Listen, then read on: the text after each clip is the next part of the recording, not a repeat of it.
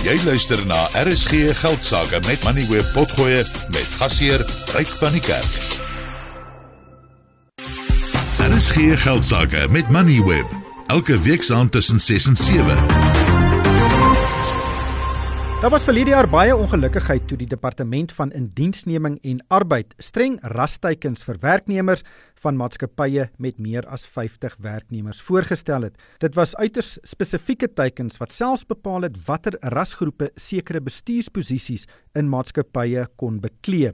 Verskeie partye het die teikens as ongrondwettig beskryf en die departement het toe die konsepregulasies teruggetrek nadat dit 'n ooreenkoms met die vakbond Solidariteit gesluit het en dit is nadat Solidariteit 'n klagte by die internasionale arbeidsorganisasies gelê het.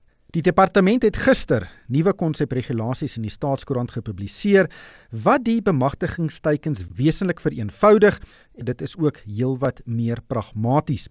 Die nuwe regulasies het byvoorbeeld net nasionale teikens en geen provinsiale teikens soos in die vorige regulasies nie. Dit verwys nou ook na mense uit aangewese groepe en nie na individuele rasgroepe soos Indiërs, swart en bruin mense nie. Op die lyn is Hugo Pinaar, hy is 'n arbeidsspesialis by Klif Dekker Hofmeyer. Hugo, baie welkom by die program.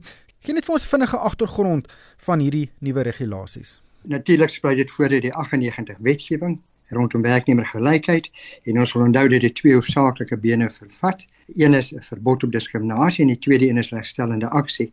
Die belangrikheid daarvan was die regstellende aksie gedeelte was net verpligtend en van toepassing op werkgewers wat 'n sekere omset gehad het of waar jy meer as 50 werknemers in diens gehad het.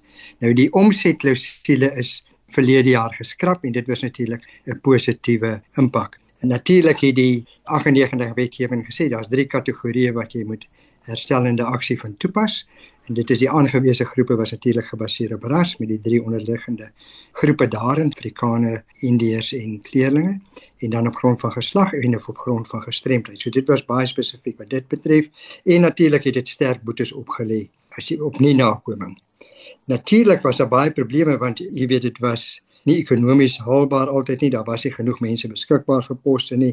Ons het mense met lae arbeidsomset gehad en ons het 'n groot werkloosheidssyfer gehad. So dit het dan toe aanleiding gegee dat die minister geklaar het en sê daar's 'n stadige vordering en toe hy daai regulasies uitgevaardig wat jy nou net van gepraat het wat solidariteit aangespreek het en natuurlik het ons namens verskeie werkgewergroeperinge submissies gemaak en onder andere gewys op die ongrondwettlikheid daarvan. En dit het toe nou aanleiding gegee tot presies daai chaos en swak bewoording en ongrondwetlikheid dat dit van die tafel af is en daarom is daar toe nou gister hierdie nuwe regulasies uitgevaardig vir 90 dae kommentaar. So wat is die vernaamste veranderings wat nou in hierdie nuwe regulasies voorgestel word? Die eerste een is daar's nou 'n 90 dae vir publieke kommentaar en tot 'n groot mate van ons besware aangespreek, maar daar's nou 90 dae. So onthou die vorige keer was dit net 30 dae wat absoluut onaanvaarbaar was. En dan nog steeds is daar 18 sektore. Ek dink die eerste punt wat jy aangespreek het is so belangrik dat waar hulle kyk na die aangewese groepe, is dit nou net nie onderverdeel in byvoorbeeld kleerlinge, indiërs en so meer nie. Dit praat net van die aangewese groep en dan natuurlik steeds vrouens en mense met gestremdheid. So dis die teikens Ek dink daar gaan steeds vrae wees of dit so gestel is dat dit potensieel gebaseer is op 'n kwota en daai besware sal daar bly. Maar dit sou ek sê is een van die belangrikste aspekte dit wat jy in die begin uitgelig het dat daai onderskeid bestaan nie.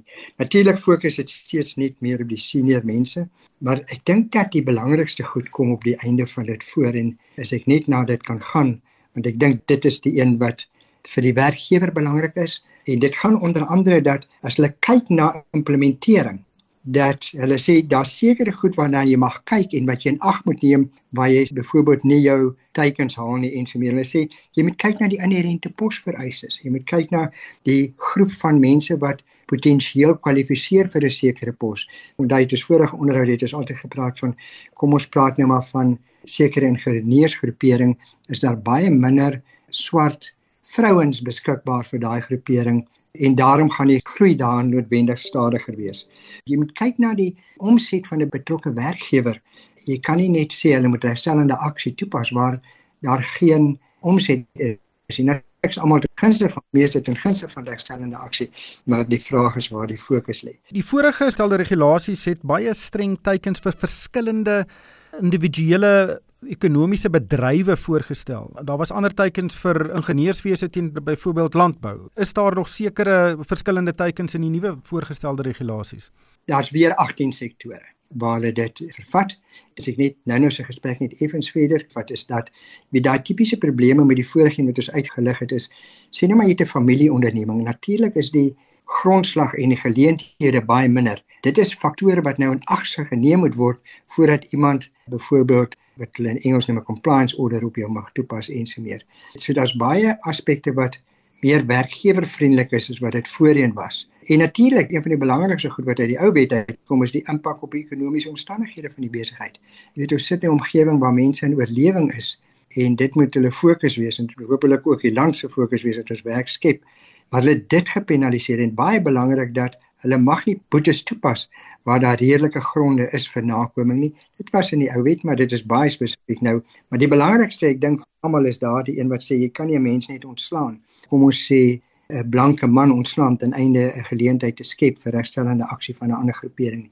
Dit was nog altyd regspraak nasionaal en internasionaal. Dit is nou baie duidelik in 4.7 omskryf van hierdie regulasie. Ek sou dink dit is die belangrike aspekte wat ek nou vir jou net vinnig uitgelig het. Het die teikens in verskillende sektore verander?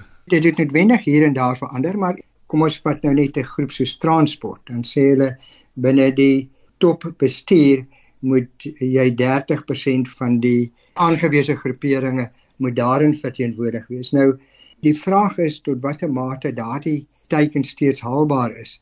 Ek sien in landbou is dit 20% mans vir daai groepering. Maar byvoorbeeld kom ons kyk na myne, is dit 29% mans en 20% vrouens. Dit is ongelukkig nie so dat daardie mense in die industrie hoofsaaklik mans gedomeineerde groepering is. So om skielik 'n 20% te hê ek weet nie waar hulle dit gaan bekom nie. Ek dink daar's steeds onrealistiese teikens gestel en die werkgewers gaan nie daarby uitkom nie.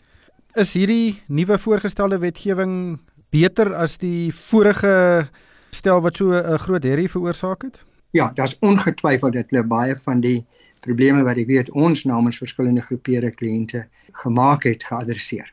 En mense is natuurlik dankbaar vir dit ook. Hugo, baie dankie vir jou tyd. Dit was Hugo Pinaar, hy is van Klif Dekker Hofmeyer. Jy het geluister na RSG Geldsaake met Money where potgoe elke weeksdag om 7 na middag. Vir meer Money where potgoe, besoek moneyweb.co.za of laai die toepassing af en volg Moneyweb News om dagliks op hoogte te bly.